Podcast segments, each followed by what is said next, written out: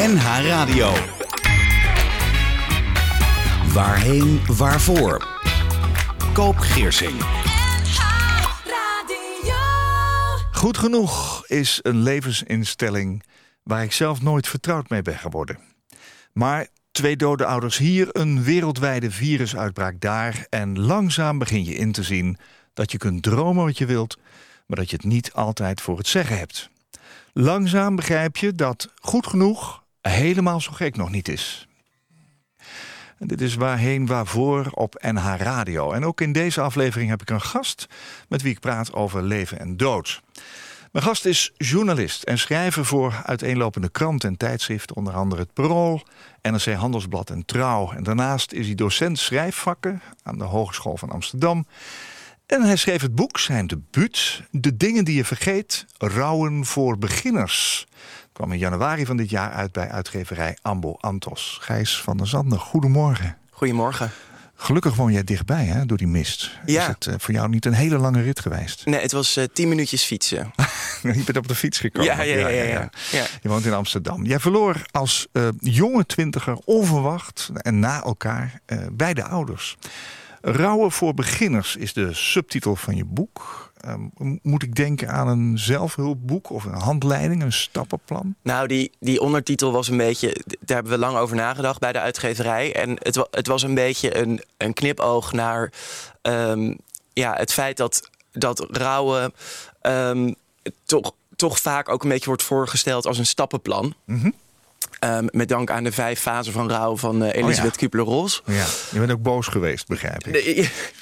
Ja, eh, precies. Eh, ehm, terwijl volgens mij is het hele punt van rouwen nu juist dat je het niet echt kunt leren. Je kan, ja, er zijn niet echt stappen die je kan zetten. Je moet het gewoon ondergaan en Ja. voelen. En ehm, dus het, het is een, het is eigenlijk een soort knipoog, een grapje. Ja. Ja. Je was ook een beginner hè, in het leven, zullen we zeggen. Ja, Ja. ja. Had je daarvoor wel eens met de dood te maken gehad? Nou, ehm, mijn vader stierf dus toen ik 19 was. En daarvoor was er een opa overleden. Maar die was heel oud en grijs. En eh, dat, Ja. dat was eh, zeg maar echt een dood waar je je mee kon verzoenen, om het zo maar te zeggen. Eh, Heel veel katten. We hadden altijd heel veel katten thuis. Ehm, eh, dus, en, en vissen, goudvissen, maar niet, niet verder heel dierbaar. Overlijden ook allemaal. Ja, die gaan Ja, ook dood. Allemaal een stukje afscheid nemen. Zeker. Ja. ja. Hoe oud was je vader toen hij overleed? 57. Ja, je zou zeggen dat is niet oud, hè? het is interessant hoe dat werkt. In mijn, ik wa- was dus 19 en ik vond mijn vader wel al oud. Dus ik, ik dacht, ik- bedoel, ik wist wel dat 57 nog erg jong was. Ja. Maar hoe ouder ik word, hoe meer ik inzie hoe jong het was. Dus ik heb nu bijvoorbeeld eh, een he- hele goede vrienden ook, van die bijvoorbeeld 50, 52 zijn. Ja. En dan denk ik, jeetje, wat was mijn vader jong.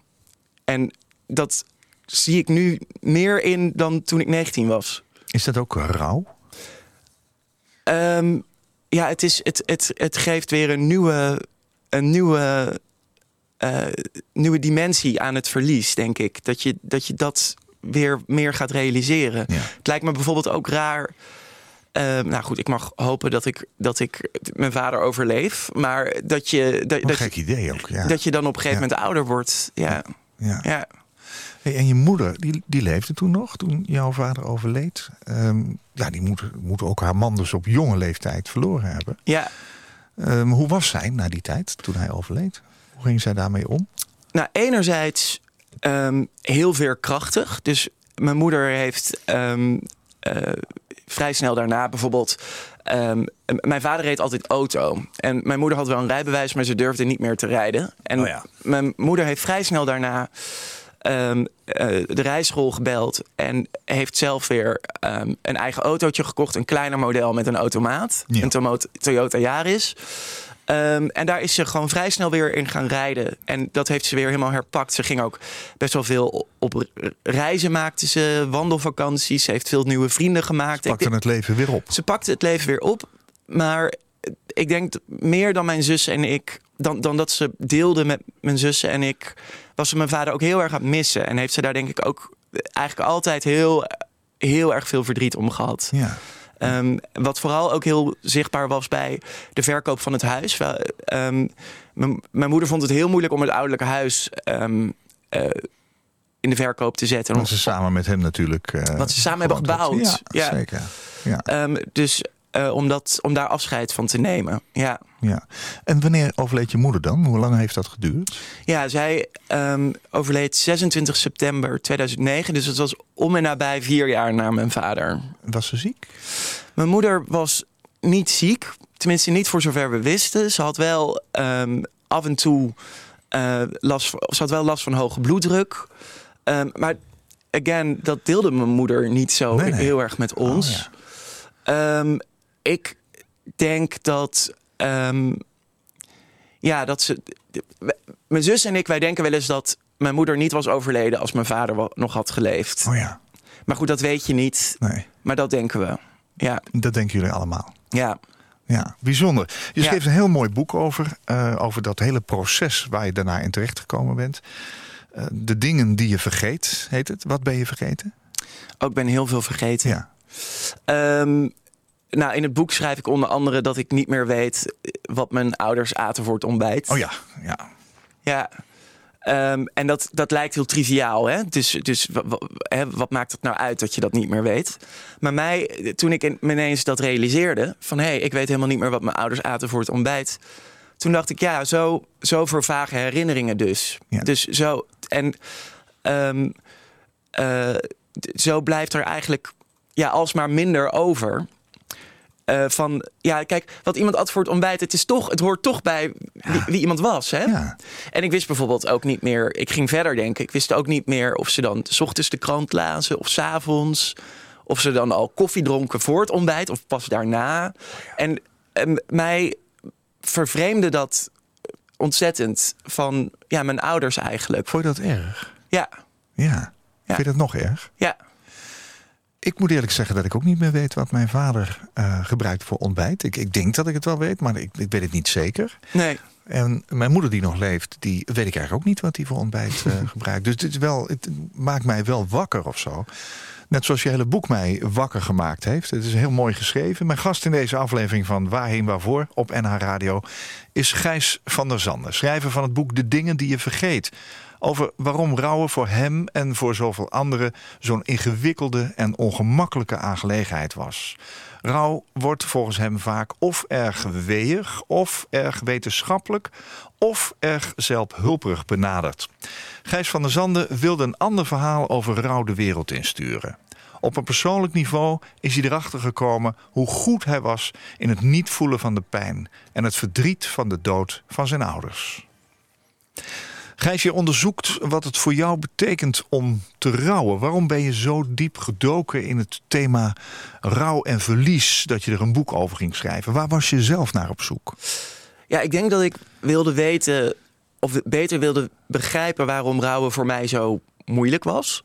Uh, waarom, uh, waarom het zo vaak zo ingewikkeld was. En daarmee bedoel ik, waarom is het, was het eigenlijk zo ingewikkeld voor mij... bijvoorbeeld om in de maanden na mijn moeders dood um, weer op een feestje te verschijnen en om al die blikken te moeten incasseren. En waarom vond ik het zelf zo moeilijk om bij nieuwe ontmoetingen bijvoorbeeld te zeggen, als mensen vroegen: ga je nog naar je ouders het weekend? Om dan te moeten zeggen: ja, nou, mijn ouders leven niet meer. Oh ja. Vaak.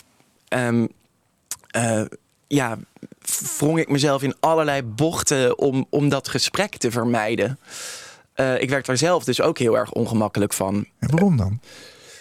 Um, nou, ik denk dat ik um, uh, niet.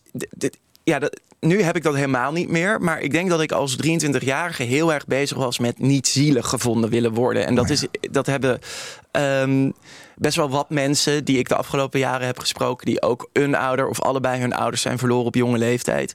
Je wil gewoon als volwaardig mens worden aangezien.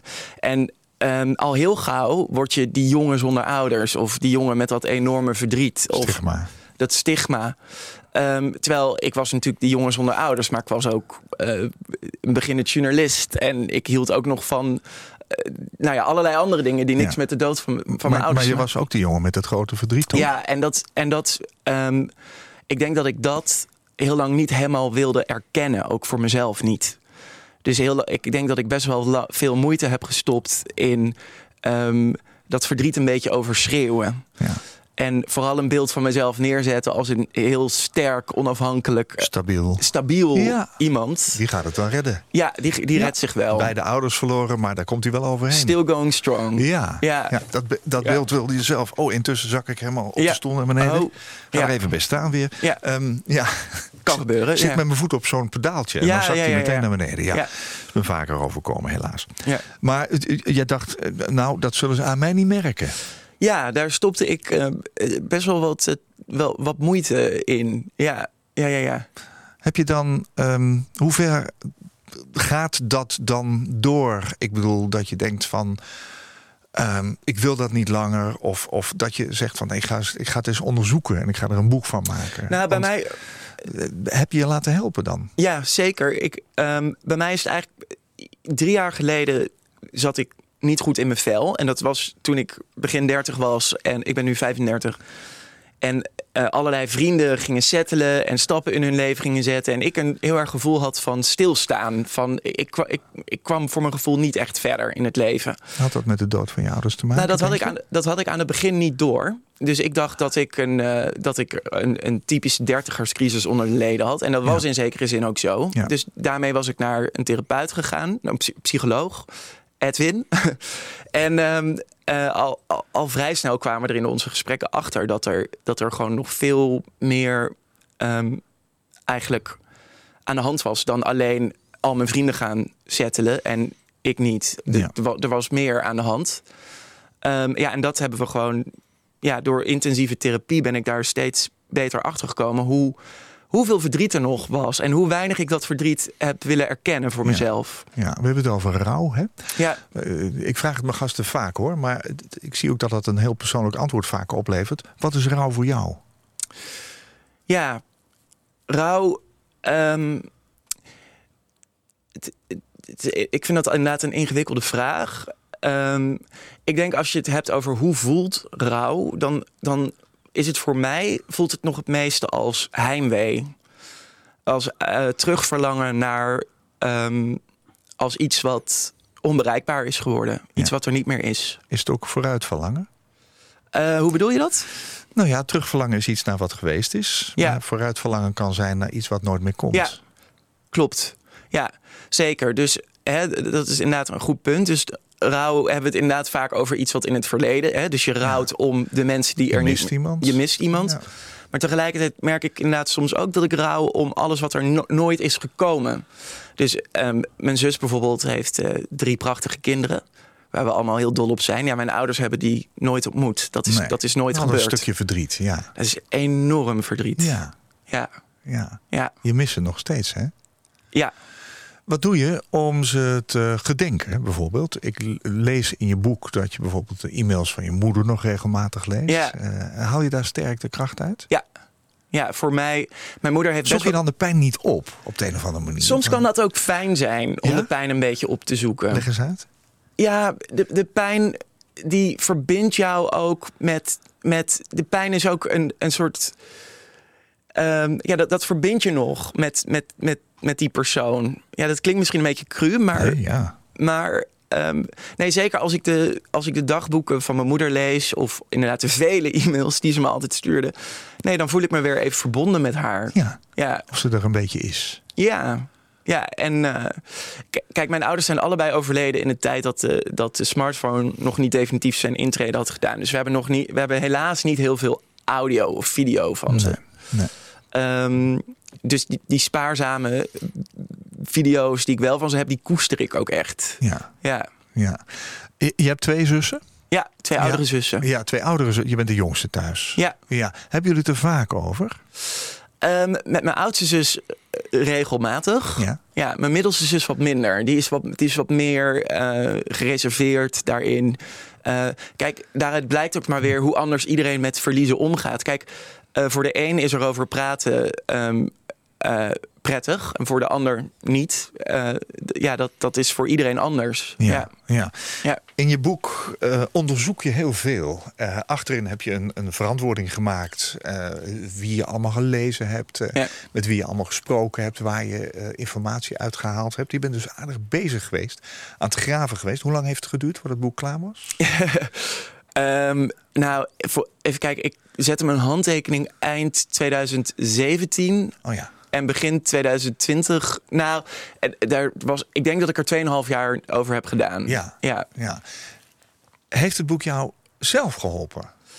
Um, Want je stelt, en er staat ook op de kaft, aantal vragen. Ik ben eh, benieuwd naar dit en naar dat en naar zus en zo. Heb je die antwoorden gevonden door hier zo mee bezig te zijn? Ja, ik merk dat ik de vraag: heeft het boek geholpen? las omdat dat weer zou insinueren dat, het, dat ik het boek ook heb gesloten. Dus dat het nu, af, dat het nu afgerond is. Oh ja. dat, dat, dat is namelijk niet hoe het voor me is. Komt er nog een deel 2 of zo? Nou, nee, wat ik, wat ik eerder denk, is dat het boek voor mij juist iets. dat er iets is begonnen door, door het boek. Dus dat, dat ik er juist iets mee heb aangeroerd. En dat is een, um, een gezondere en intiemere band met ja, mijn rouw, mijn, mijn verdriet. Ja. Ben je daardoor misschien dingen meer gaan accepteren? Namelijk het gebeurde, accepteren, het, accepteren dat je verdriet mag hebben. Ja, het, ik denk um, erkennen dat ik dat een beter woord vind. Dus ik ben het meer gaan erkennen dat, het, dat, het er, dat dat verdriet er is. Wat is het verschil dan? Ja, accepteren klinkt wat voor Afgeronder mij. of zo. Ja, dat klinkt oh voor mij wat meer van. Uh, akkoord. Ik zet er een handtekening onder. ja, ja, maar erkennen is meer van uh, het is er. Ja. Of ik het nu wil of niet, het is Je bent heel goed in taal. Dat kan ik nog ik ben heel ga heel goed naar je luisteren ook, want uh, ja, en gevoelig. Hè? Ik ben er heel gevoelig voor. Ja, Omdat woorden Um, daar had ik het laatst met iemand over. Woorden creëren ook een werkelijkheid. Dus, dus op het moment dat je ik, ja, ik ben heel gevoelig voor woorden. Ja, ja. Nou, de heel leerzaam vind ik. ik. ik. luister heel goed naar je. Ja. Um, een van de frappante um, dingen die je schrijft, maar die heb, ben ik vaker tegengekomen. Als iemand zijn beide ouders verliest, dan denk je meteen aan het woord wees. Maar dat vind jij een verschrikkelijk woord. Oh, ik vind het een verschrikkelijk woord. Ja. En dat is het ook, denk ik. Ja, het, eh, kijk, hoe komt dat? Nou, daar hangen allerlei connotaties aan. Dus Welke? Um, nou, het eerste wat in mij opkomt is Siske de Rat bijvoorbeeld. oh, ja. Of um, gewoon um, ja, overgeleverd zijn aan de barmhartigheid van andere mensen. Het niet kunnen redden in, je, in het leven. Zielig zijn. Ja, zielig zijn dus. Ja, Daar is ja dat, is gewoon mijn gevoeligheid. Ja. ja. Um, dus nee, ik vereenzelvig me absoluut niet met het woord. Nee, ik krijg altijd een soort cringe op het moment dat iemand bijvoorbeeld... Soms word ik wel eens ergens aangekondigd of zo. En dan bijvoorbeeld bij een radioprogramma. Of bij, en dan is het, ja, Grijs is wees. En dan, ja, ik ben het wel, maar het, ik, liever noem ik mezelf dan ouderloos of zo. Of oh heeft zijn ouders verloren. Ik probeer dan een soort omweg, probeer ja. het te omzeilen. Het zielige, dat, dat zit daar natuurlijk ook niet in. Hè? Het gaat er meer om hoe je uiteindelijk met die dood verder gaat. Ja, Um, je hebt ook in het boek uh, Manu Kersen aangehaald. Die is volgende week mijn gast hier Leuk. op deze plek. Is een specialist, zou je kunnen zeggen, op, uh, op het gebied van leven en dood en rouwverwerking en hoe je met dingen omgaat. Nou, daar zit het woord al, hè, rouwverwerking. Er zijn heel veel mensen van, uh, die, die ik ken van mijn leeftijd, die bij een overlijden heel vaak zeggen van, nou ja, na verloop van tijd verwerk je dat. Hè. Dat, dat kost een tijd, maar dan. Wat vind jij van dat woord? Manu Kersen heeft er een mening over. Ja, ik deel die mening met hem. Um, is geen goed woord. Nee, het is, nee dus ook hier weer hè, die gevoeligheid. Dus woorden creëren een werkelijkheid. Verwerken, dat insinueert dat, um, uh, dat, dat je ja, iets. Uh, ja, dat je er ook vanaf moet. Dus, um, Kom nooit meer terug of zo. Nee, ja, bijvoorbeeld. Dat is, ik, dat is verwerkt. Zo, ja, punt ik had daar een gesprek over met Riet Fiddelaar. Zij is ook rouwdeskundige. En zij zegt bijvoorbeeld afval verwerk je. Dan denk ik, ja, ja inderdaad. Ja, Verdri ver verdriet verwerk je niet. Nee. Um, verdriet is eerder iets wat je um, op de een of andere manier in je leven moet zien te verweven of zien te integreren. Ja, dat is een beter woord. Ja, dus dat is iets heel anders dan verwerken. Gaat ik, dus ook nooit weg. Nee, nee, nee. En dat kun je maar beter weten. Ja, Want dat is ook zo. Ja, Ja. absoluut. Ja. Gijs van der Zander is vandaag mijn gast in Waarheen Waarvoor hier op NH Radio.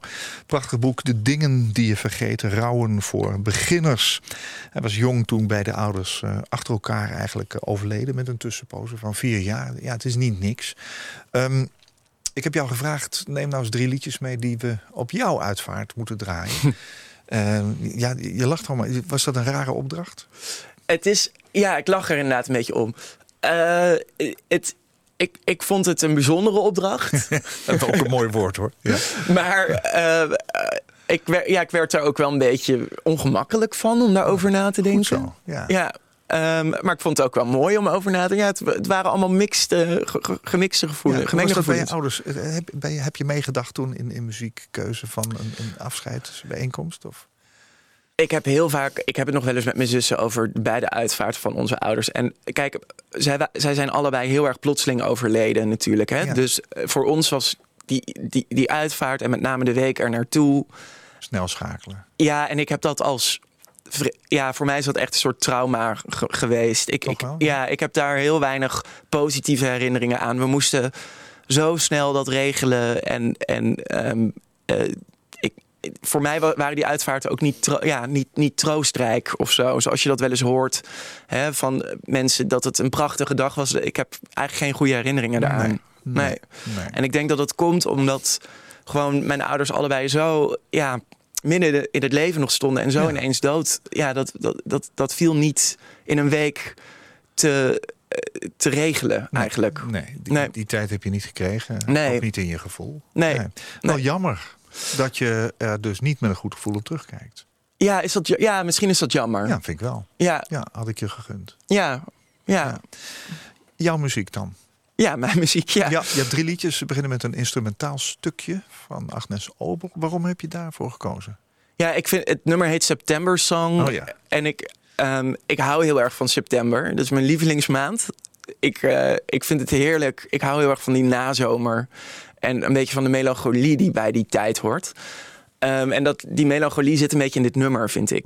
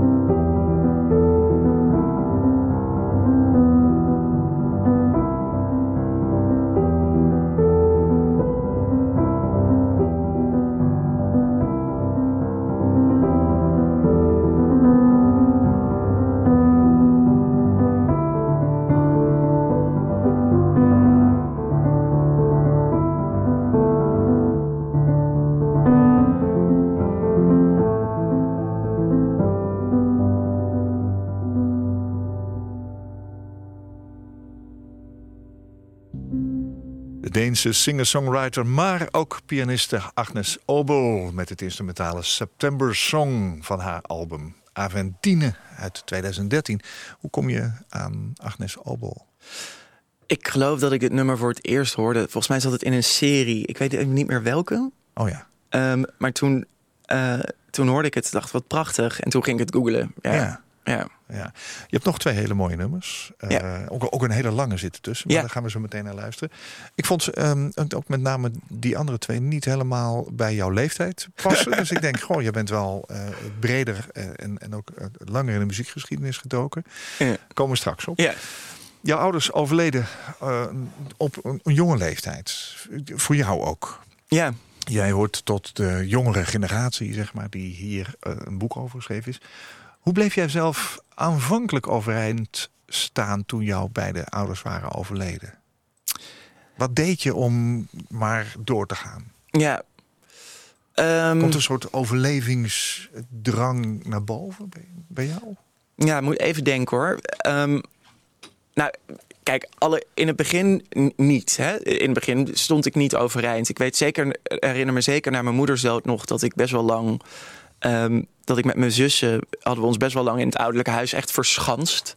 Eh, dat voelde echt als een, als een, eh, Een fort. een fort. Dat wij, eh, waar we gewoon, nou, ik destijds ook nog met mijn partner, ja, waar we gewoon ons echt in verscholen als het Ja. ware. Ja, op een gegeven moment merk je dat je toch af en toe wel weer uit dat fort wil. Dat je gewoon wel weer naar buiten wil en dingen wil gaan ondernemen. Voorzichtig, een beetje met je, met je teen zo in het, in het water, Ja. de temperatuur voelen. Ja. Ehm, en ja, het is wonderlijk hoe dat gaat. Maar op een gegeven moment wil je gewoon toch weer het leven oppakken. Ja, dat, gaat een dat ging een beetje vanzelf. Ehm, Je kunt ook weer blij zijn dan. eigenlijk, eh, wat ik ook in mijn boek schrijf, is dat. dat ehm, eh, dat was dus nadat mijn vader stierf. Dat we dat, dat een paar uur daarna hadden we met de hele familie al heel erg de slappe lach. Lagen we onder de tafel van het lachen. Dus dat dat, dat, dat, dat kon, dat, dat vond ik onvoorstelbaar. Ja. Ehm, ja, wat ik daarvan heb geleerd is dat rouw en verdriet. Het een sluit het ander niet uit. Je kan dat soms bijna gelijktijdig ervaren. Ehm, dat is een van de dingen die je niet weet als je het nog niet hebt meegemaakt. Nee. Maar Le- Leveren eh, dat soort momenten schuldgevoel op? eigenlijk heb ik daar nooit schuldgevoel om Nee? gehad. Nee, ik vond dat eigenlijk heel pre- prettig, prettig om achter Ja, te komen. Dat ja. het is niet. het- Ik, denk ook wel eens, je kan als mens niet eh, 24 uur per dag verdrietig zijn. Dus daar moet. Je hebt het bijna. Yin-yang? Ja. Je Of- kan niet huilen als je niet weet hoe je moet lachen. toch? Nee, of andersom? Nee, dat, dat is ook zo. Dat klopt. Maar je, ja, je, hebt, ja, je gaat soms automatisch toch op zoek naar, naar iets. Even naar wat lichtere momenten. Ja, die dienen zich wel aan vaak. Die Ja. toch wat lichtere momenten. je waarschijnlijk Je hunkert naar. er ook naar. Ja. Ja, precies. E- Even wat anders, hè? Ja. Ehm, je schrijft na een ontmoeting met een, met een lotgenoot, zal ik maar even zeggen. Ehm, die zei, dat gevoel van alles overheersende eenzaamheid zal nooit meer verdwijnen. Eh, nou ja, dat was een uitspraak dan blijkbaar van een ander, maar jij had het aan in je boek. Hoe voelt dat bij jou? Is dat zo? Ja, ik vond dat. eh, dit vond ik. eh, dat was nadat mijn moeder was overleden. Dat, dat was dus in 2009. En dat, toen was er nog ontzettend weinig te vinden over rouw bij jonge mensen. Kijk, nu zijn er best wel wat boeken verschenen. En mijn, mijn boek is daar één van. Ehm, maar destijds waren die boeken er gewoon nog niet. En ik ging toen googlen. Eh, ik weet letterlijk nog dat ik intikte: ik ben wees. Gebruikte ik toch maar dat woord. Ja. En toen kwam ik op een forum waar dus andere wezen hun eh, Wezen onder elkaar. wezen onder elkaar Ja, even. hun verhaal eh, konden delen. En dit was de opmerking van één vrouw, was het geloof ik. Van, en ik weet nog dat ik dat las en dat ik dat vreselijk vond om te lezen. Eh, en het resoneerde ook wel. Klopte het wel een beetje? Ehm, ik snapte wel wat ze. Ik, ik, ik weet niet of ik, het, of ik het eens ben met dat het nooit meer zal verdwijnen. Maar ik snapte wel wat ze met die eenzaamheid bedoelde. Het is namelijk gewoon een heel eenzaam gevoel als je ouders er niet meer zijn. Maar dat kun je toch ook heel kort een keertje hebben? Ja, Nu? Ja, ja, dat is waar. Maar ik vond dat de manier waarop deze vrouw het opschreef, leek het alsof Ja. het een voortdurend. eh, Ja, ja. ja, daar had ik. Da- Ja, precies. en daar had ik een beetje moeite mee destijds. Ehm, en nu weet ik inderdaad precies wat jij zegt. Dat die eenzaamheid, eh, die, die is er af en toe. Ik kan hem nog steeds wel eens voelen. Vooral als ik uh, vrienden zie met ouders die verschijnen op verjaardagen of, of, of, of aanwezig zijn. Ja, dat is iets wat jij dan niet hebt op dat moment, datzelfde. Nee. Nee. Nee, en wat, je het maar. Ja, precies. En dat, dat blijft dat blijft gewoon een diep missen. Dat, dat blijft ontbreken. Dat gaat niet weg. Komt, het, komt het elke dag voorbij?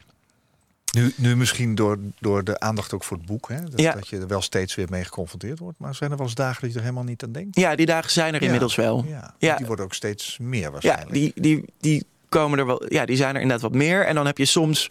Nou, natuurlijk zeker de afgelopen 2,5 jaar, omdat ik met het boek zo veel bezig ben geweest Um, soms heb je gewoon ook wat meer periodes. Dat, je, dat, dat, ik weet niet waar kan dat aan liggen. Ja, soms word je gewoon even getriggerd door iets en dan ga je weer over nadenken. Overigens hoeft dat niet altijd vervelend te zijn. Nee. Je kan soms ook, uh, ja, ik noem het wel eens prettig melancholisch je, je, voelen. Dus lekker een beetje mijmerend terugdenken aan tijden die voorbij zijn. Ja. En soms kan dat ook heel pijnlijk zijn. Dus het, het is soms ook maar net, ja. Wanneer is het pijnlijk dan bijvoorbeeld? Ja, als je denk ik echt. Um, uh, ten diepste kan, weer kan voelen wat er zo mist in je leven. Ja. Ja. ja. Je ouders zijn begraven, hè? Ja. ja. Uh, ze liggen op een mooie plek in het groen, heb ik begrepen, waar je een paar keer per jaar komt. Ga je er alleen naartoe of, of neem je je zus mee? Uh, hebben jullie een bepaald moment dat je zegt, we gaan het juist op die datum doen? Vaak, um, mijn um, uh, best wel wat familie woont nog in Brabant. Dus in Valkenswaard, daar, daar liggen mijn ouders begraven. Um, en ik ga een paar keer per jaar, pak ik dan de trein naar Eindhoven. En dan haalt mijn oom haalt me op met zijn, uh, met zijn jeep. Je, je, je oom is... Uh, de broer van mijn moeder. Broer van je moeder. Ja, en dan maken we een soort van... Ja, een soort sentimental journey is het eigenlijk altijd langs allerlei plekken van mijn jeugd. Dus ja. uh, dan gaan we onder andere naar de Algse Kluis. Dat is vlak over de grens in België. Daar gingen mijn ouders vaak naartoe om te wandelen of een biertje te drinken. Ja. En dan gaan we ook vaak um, even langs het kerkhof of de begraafplaats. Ja. En um, dan, dan, ja, dan, dan kijk ik naar het graf. En dan vond ik het altijd heel vervreemdend uh, om, om die grafsteen te zien. En wat ik ook in het boek schrijf. Um, voor mij heeft die begraafplaats um, niet zo ontzettend veel waarde. Ik, ik vind het belangrijk om er een paar keer per jaar even naartoe te gaan. En om ervoor te zorgen dat het er netjes uitziet. Ja. Dan leg ik er een bloemetje neer. Ja. Soms, soms gaan mijn zussen ook mee. Um, maar het is niet zo dat als ik daar ben, dat ik dan me extreem verbonden voel met mijn nou, ouders. Je schrijft in je boek: Altijd is mijn bezoek vervuld met een sluimerend schuldgevoel. Ja. Kun je dat eens uitleggen? Ja, um, ja zo'n plek, er gaat toch ook iets van uit. Het, kijk, zeker naarmate ze wat langer dood zijn, het komt soms bijvoorbeeld ook wel eens voor dat ik dan dat ik weer naar het graf ga. Mijn oom en tante, tantes houden het wel een beetje bij, maar soms is het tijden vies weer geweest of whatever. En dan, dan komen we eraan en dan ziet het er niet uit. Dan, daar kan ik ook om lachen hoor. Maar dan, dan, dan ligt er zo'n zo'n ja, uitgebloeide narcisse of een omgewaaid mandje. Of, of, troosteloos. Of, troosteloos ziet het er dan uit. En dan voel ik me wel een beetje schuldig. Ja, dan denk ik, verdomme, ik, had, uh, ik moet hier eigenlijk vaker naartoe gaan. Ja.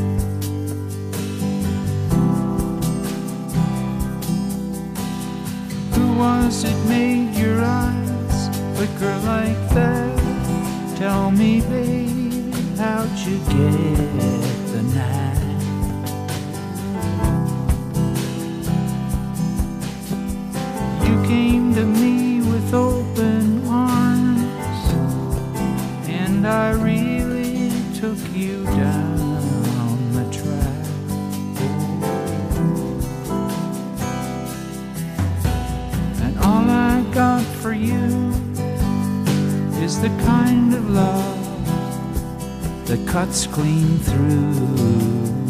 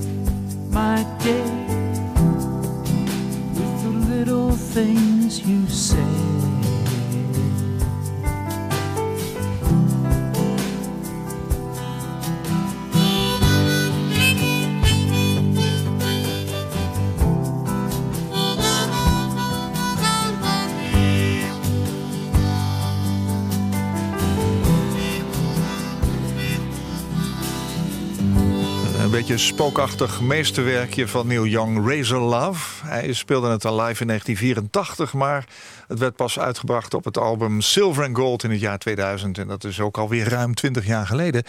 Ehm, ik had bij jou een beetje verwacht, eh, ja, jaren 90, misschien 2000 muziek. Maar waar komt deze voorkeur vandaan? Want het zijn ehm, mooi, die drie liedjes die je meegenomen hebt. Maar Neil Young, Ja, nou, sowieso heb ik een hele brede muzieksmaak. Ja, Dus dat ik, blijkt. ik luister ook naar Britney Spears. Ja. Ehm, maar ehm, nee, mijn ouders eh, luisterden graag naar Neil Young. Ja, en ehm, ik ben ook een beetje opgegroeid met Eric Clapton en zo. Weet je wel, gewoon die. Vooral mijn vader hield daar heel erg van. En, en, en dit, ja, dit vind ik echt een prachtig Heb je nummer. wel meegenomen dus. Ja. ja. Razor Love is een beetje een lastige titel. Hè? Razor is natuurlijk een heel scherp mesje. Ja, Liefde is natuurlijk een liefde met randjes, zullen we zeggen. ja, volgens mij gaat het over de liefde, over de vanzelfsprekende liefde tussen twee mensen. Ja. Ja. ja. Ben je van de tekst of van de muziek? Meer van de muziek. Ja, heb ik ook. Ja, Ja, van het ook. gevoel dat het muziek eh, Ja. overbrengt. Ja. Agnes Obel had je met September Song. En nu eh, Neil Young met Razor Love. Gijs is mijn gast, Gijs van der Zanden. De dingen die je vergeet heet zijn boek. Je bent alweer steeds meer dingen aan het vergeten. Misschien hoort dat ook wel bij een proces. Hè? Moet je ook wel erkennen dat dat nou eenmaal onderdeel is van het vervagen van het verleden. Rouwen voor beginners, de knipoog, subtitel.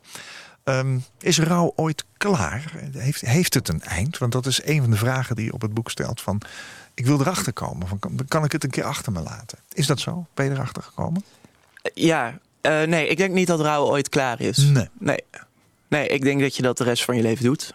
En dat dat ook niet erg is. Is het anders bij je zussen?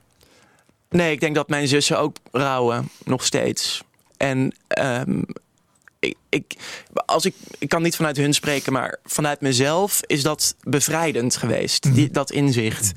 Ehm, hè, kijk, er is natuurlijk mijn persoonlijke verhaal van, van mijn ouders die, verlo- die, die ik op jonge leeftijd ben verloren. Maar er is ook denk ik een maatschappelijke context waarin we ook verwachten van mensen dat, dat hè, waar we het net ook over hadden, heb je je verdriet een plekje gegeven, heb je het verwerkt. We willen ook zo graag dat mensen hun verdriet verwerken. We, Verdriet is ook vervelend, toch? Verdriet is vervelend. We, Nou. willen, we willen mensen Oh. niet recht in de ogen kijken die verdriet hebben. We weten niet wat we moeten zeggen. We gaan Ja. naar de grond staren. Ehm, en ehm, eh, ik denk dat het, nou, in ieder geval voor mij, heeft het e- enorm opgelucht om me te bedenken: nee, maar ik, ik hoef dit niet te verwerken. Ik, ik mag dit de rest van mijn leven erg vinden. En Het is om, goed. En ja, het is goed om, om te rouwen. Ja. Ja, Nou, wat je ook eh, eerder in deze uitzending zei, soms is het ook wel even lekker. Ja is ook een gevoel wat natuurlijk hoort bij de andere kant van je gevoelsspectrum. absoluut. Lekker naar Neil Jong luisteren en af en toe een beetje huilen. Oh ja, Ja, ik zoek ze wel eens op, die verdrietige ja liedjes. zeker. Ja. Ja, dat is wel mooi. Ehm, jouw moeder was niet zo open over haar rouw eh, van je vader, hè? van het overlijden van je vader. Zij overleed eh, vier jaar later, maar in die vier jaar heb je vooral gemerkt dat het een sterke vrouw was die weer ging rijden, die weer ging reizen. Ehm, je hebt het dus niet echt ook heel erg meegekregen. Kan ik dat zo zeggen? Nou, dat is ook weer niet helemaal waar. Ik heb daar wel zeker gespre- gesprekken met mijn moeder over gevoerd. Het was niet dat mijn moeder alleen maar een theaterstuk aan het opvoeren was. Zo bedoel ik het ook Nee, niet. nee, hoor. nee, weet ik. Weet ik. Maar ik dacht, ik, ik wil het toch even, even zeggen. Dus ik heb zeker veel gesprekken met, met mama over, over de dood van papa gehad. En ehm, het, het is alleen denk ik dat haar, haar, haar diepste verdriet heeft ze gewoon in ieder geval niet met mij gedeeld. Mijn oudste zegt dat ze dat wat vaker heeft gezien. Dus misschien dat ze mij als jongste zoon ook een beetje af en toe wilde beschermen ergens van of zo. Oh, ja. Ehm, en dat vind ik achteraf verdrietig. Dan denk ik van, mam, ik had het, ik had het zo graag een beetje voor je, ja, met je over willen praten. Dat is ook weer een beetje rouw dus. Totaal. Dat je, dat je er had willen helpen, misschien Ja. had willen bijstaan of Ja. zo. Je hebt het idee dat je dat misschien te weinig gedaan hebt toen. Dat klinkt weer als spijt. Ik, ik, ik had het graag voor haar gedaan. Ik had het graag voor haar gedaan. Ja. Ja. ja. Ja. Hey, eh, wat heb je tijdens het schrijven van het boek over je, over je vader en je moeder geleerd? Wat je nog niet wist. Want dit stukje kun je niet meer inhalen, hè, wat je net zei. Maar je hebt ze wel heel erg ook geëerd met dit boek, vind ik zelf. Ah, wat lief dat je het zegt. Ja, ja, ja, misschien heb ik ze geëerd. Tegelijkertijd ben ik ook juist... Voor mij zijn ze ook wat meer mensen, mensen geworden. Ja? Ja, ehm, Werden ze daardoor mooier? meer echt. Eh, Gewoon, wa- gewoon echter. Dus bijvoorbeeld, eh, ehm, ik, ik eh, chatte heel veel met mijn moeder van die MSN-gesprekken. Dat was natuurlijk wat je deed als twintiger in de 2000s. En ehm, daar viel me toch wel op dat mijn moeder best wel af en toe aan mij kon trekken.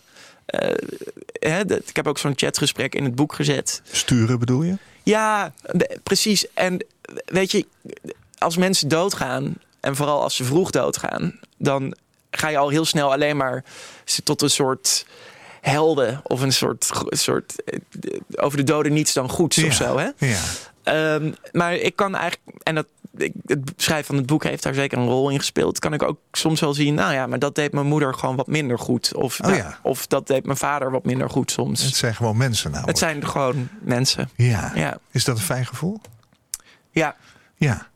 Jullie hebben ze beter leren kennen door het boek. ja, Prachtig. ja. Nou, dat vind ik heel mooi. Dat vind ik ook heel waardevol. Ehm, jouw derde liedje in, in, in de rij Agnes Nobel, Neil Young is Arcade Fire, die Canadese groep. ja. Daar moet je wel fan van zijn, hè? Is dat zo? Nou ja, vind ik zelf. Ik, ik, ik hou er heel erg van. Vooral dat album Neon Bible. Daar heb je ook een liedje van eh, Ja. gekozen. Eh, waarom staat dat op die lijst van jou? Ja, dit nummer vind ik, ik het, dat ontsteekt altijd iets in me. Er zit een enorme energie zit er in het nummer. Het gaat over de angst voor de dood, Ja. trouwens. Ja. Ja, ik vind het prachtig.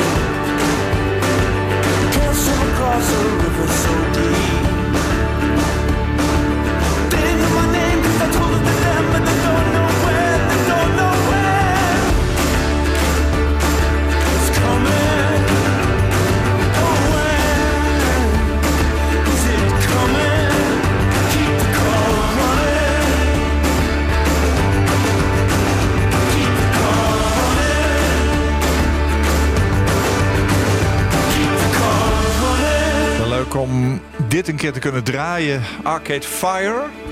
Keep the car running. Nou, dat doet het wel. Gijs. Mooi liedje hoor. De tweede single was het van het album Neon Bible uit 2007. Je hebt ze nooit eh, live gezien, ik ook niet hoor. Nee. Mooi. Dit gaat op jouw uitvaart eh, gedraaid worden. Ja. Eh, ik hoop dat het lang duurt. Ik hoop het ook. Ja, dat je nog van het leven mag genieten. dat zou fijn zijn. ja, Ja. dat je nog veel over je ouders mag nadenken. Ja. En dat ze altijd een rol blijven spelen in je leven. Gijs van der Zanden was vandaag mijn gast in deze aflevering van Waarheen Waarvoor op NH Radio. Journalist, schrijver, schreef het boek Zijn debuut was het. De dingen die je vergeet, rouwen voor beginners. Uitgegeven bij Ambo Antos. Het boek gaat over waarom rouwen voor hem en voor zoveel anderen zo'n ingewikkelde en ongemakkelijke aangelegenheid was. En is misschien wel. Rouw wordt volgens Gijs vaak of erg weeg of erg wetenschappelijk of erg zelfhulperig benaderd. Gijs van der Zanden wilde een ander verhaal over rouw de wereld insturen. En dat is hem gelukt wat mij betreft. Zijn boek geeft inzicht in zijn proces. En bij tips en adviezen blijft hij weg. Maar wat voor de een werkt, werkt voor de ander niet. Hij schrijft met oprechte nieuwsgierigheid en betrokkenheid. En dat maakt de dingen die je vergeet een aanrader.